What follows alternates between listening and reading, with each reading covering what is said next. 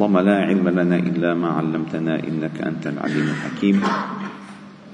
علمنا اللهم ما ينفعنا وانفعنا بما علمتنا وزدنا علما. واجعلنا ممن يستمعون القول فيتبعون أحسنه.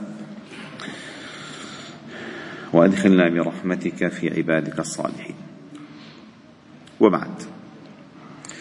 فلا نزال معكم أيها الأحباب الكرام في مجالس القرآن ضمن دروس قرآن الفجر. وقد وصلنا إلى قوله تعالى في سورة البقرة يؤتي الحكمة من يشاء ومن يؤت الحكمة فقد أوتي خيرا كثيرا وما يذكر إلا أولو الألباب. وتحدثنا إليكم عن معنى الحكمة وعن سر ربطها بأولي الألباب.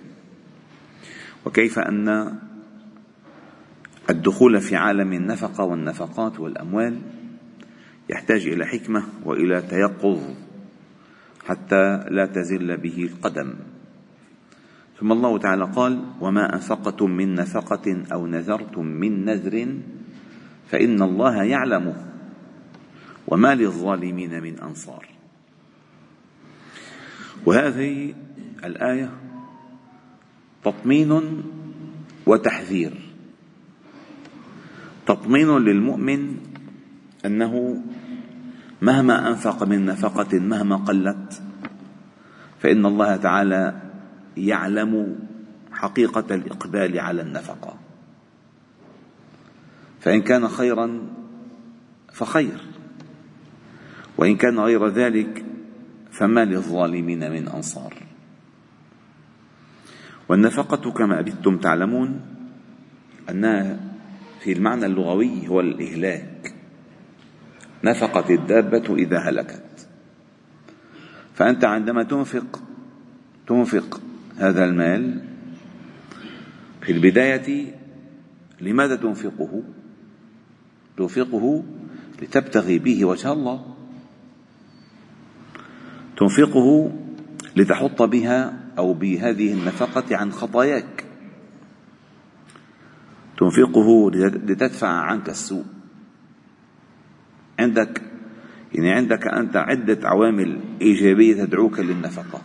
خصوصا أن الله الذي رزقك هو الذي دعاك للنفقة. والله الذي أعطاك هو الذي وعدك بالإخلاف عليك. وما أنفقتم من شيء فهو يخلفه وهو خير الرازقين. فإذا ما من نفقة تنفق وما من نذر ينذر.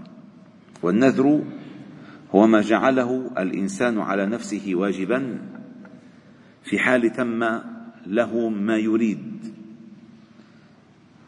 فالإفاء بالنذور هو من شيمة الصالحين. ولكن والشيء بالشيء يذكر لكن العلماء قالوا وهو, وهو شبه إجماع عندهم أن النذر في أصله مكروه. النذر في أصله مكروه لأنه يستخرج من مال البخيل. أنه بدي يصير لي هيك بدي أدفع مصاري. وإذا مصاريك ما بدفع مصاري؟ ماشي؟ فإذا فإذا قالها كانت كان الإيفاء بهذا النذر واجبا.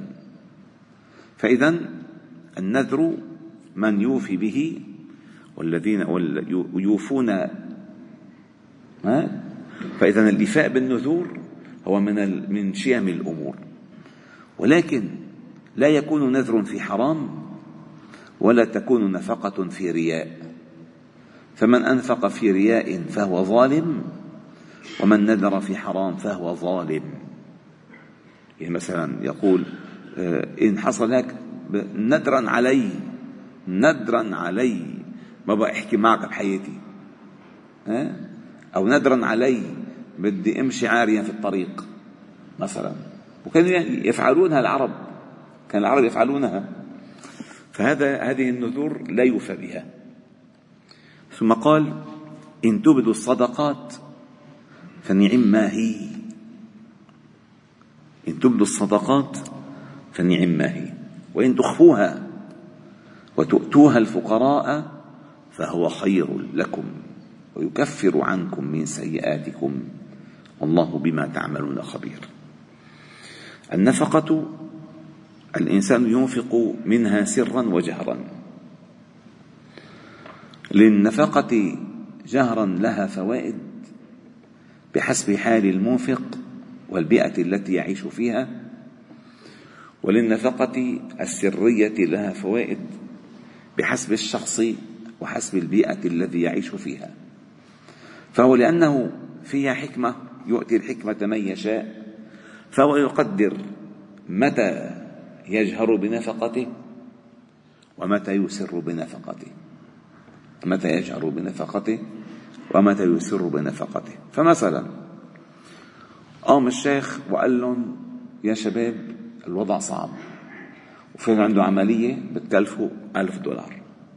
كلمة كلمتين ثلاثة درس درسين خطبة خطبتين قنوت دعاءين ولا حدا تحرك. ولا حدا تحرك. فقام عمر عرنوس وقال أنا أنا علي ألف دولار. مثلا. لما قال هالمسألة ليش قالها؟ ليشجع الغير. ليشجع الغير. فهذه النفقة فيها دعوة للإنفاق. يعني فيها دعوة للإنفاق أكثر ما فيها صورة للمفاخرة. يعني فتح فتح الباب. فتح الباب. مثل لما الإنسان كان يدعو آه، الناس للتصدق فكل يأتي بما يستطيع ويجهرون بذلك. فهذه من فوائد النفقة الجهرية أنها دعوة للآخرين. ومن فوائد النفقة السرية لأن نخفوها وتؤتوها الفقراء فهو خير لكم. أن الله جل جلاله يظل صاحبها بظل عرشه يوم لا ظل إلا ظله. والدافع للجهر والدافع للسر هو النية. إن حتى تقبل صدقتك وإن كانت سرا ينبغي أن تكون نيتك حاضرة. حاضرة. وإن, وإن أنفقت صدقتك جهرا وقبلت صدقتك ينبغي أن تكون نيتك حاضرة. والحديث المشهور والذي تعرفونه ولكن من باب الذكر أقوله لكم أن النبي صلى الله عليه وسلم قال قال رجل لأتصدقن الليلة بصدقة لا يعلم بها أحد. بده يطلع بالليل ينفق ينفق صدقة يعني يبالغ يبالغ في السر حتى لا يعلم بها أحد إلا الله. فخرج ليلا. الشراك مقطوع. ما في حدا أبدا. حتى الكلاب معطلين. ما في حدا. مشي مشي لقى واحد عن بعيد. أجا ووضع له في يده. ما تيسر له. وعاد إلى بيته. والنام الحمد لله. نفقت نفقة. لا ورآني ولا أنا رأيته لا عرفني ولا عرفته شفت الرجال من بعيد طيب ورحت. في في أبلغ من هيك صدقة؟ ما في أبلغ. فأصبح الناس يتحدثون أنه تصدق الليلة على سارق. واحد كمان استغل القطع الكهرباء والعالم ما في حدا والكلاب نايمه قال لك بتسلل أنا وبلطي. فلما لقطه طلع له هذا فأجا بدل ما يصرخ هو أعطى. قال ربي لك الحمد. هلا سارق. هيك الشيخ لما أنا انفقت كل هالخطة وضعت صدقتي في يد سارق. ربي لك الحمد. فقال تصدقن الليلة بصدقة لا يعلم بها أحد. فخرج ليلا كذلك. فوجد, فوجد امرأة. قال إذا هذه الامرأة فعلا أخرج هذه إلا الحاجة. فأعطاها الصدقة وذهب. لم يرها ولم تره. فأصبح الناس يتحدثون تصدق الليلة على زانية. سوء ضعيف على البرين طلعت بوجهه. أعطاه أوريد لا شفت ولا شفت فقال ربي لك الحمد. على زينية فقال لا تصدقن ليلة ما ميأس ما ميأس إلا إلا ما تصيب. إلا ما تصيب. فخرج. فوجد رجلا فأعطاه نفقته ثم عاد. فأصبح الناس يتحدثون. تصدق الليلة على غني. غني. مرته زعلته طافش من البيت؟ ونزل على الشارع طلع بوشه قال له خذ صدقة. وراح. فقال رب لك الحمد. على سارق. وعلى زانية. وعلى غني. من كل شيء عملته. اللي راح راحوا. وواحد غني أعطيته مصاري. وواحد سارق أعطيته مصاري وواحد زين أعطيته مصاري. فنان مغتما. نام والغم اكل وأكل. روح على المصريات. روح على المصريات. فأتاه آت في المنام. فقال له أما صدقتك فقبلت. ليش؟ لأن الدافع صح. دافع النفقة صح. الذي دفعك للنفقة متحقق القبول. وأما الغني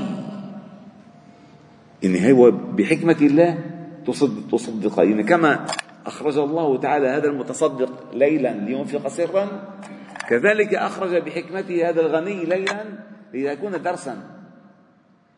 فقال أما الغني فلعله أن يتصدق. بيستحي بيصدق. وأما السارق فلعله أن ينتهي وأما الزانية فلعلها أن تتوب.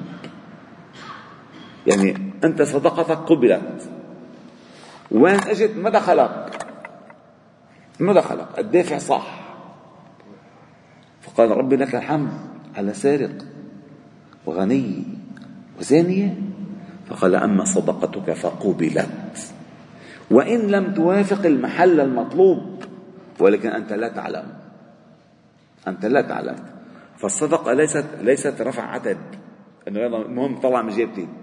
الدافع. الدافع. انت لا تعلم فأما صدقتك فقبلت. وأما ما سوى ذلك فليس فليس من عملك. وليس من شغلك. المهم أن تستجمع النية صحيحة حال نفقتك. لماذا تريد أن تنفق؟ لذلك قال ويكفر عنكم من سيئاتكم. والله بما تعملون خبير.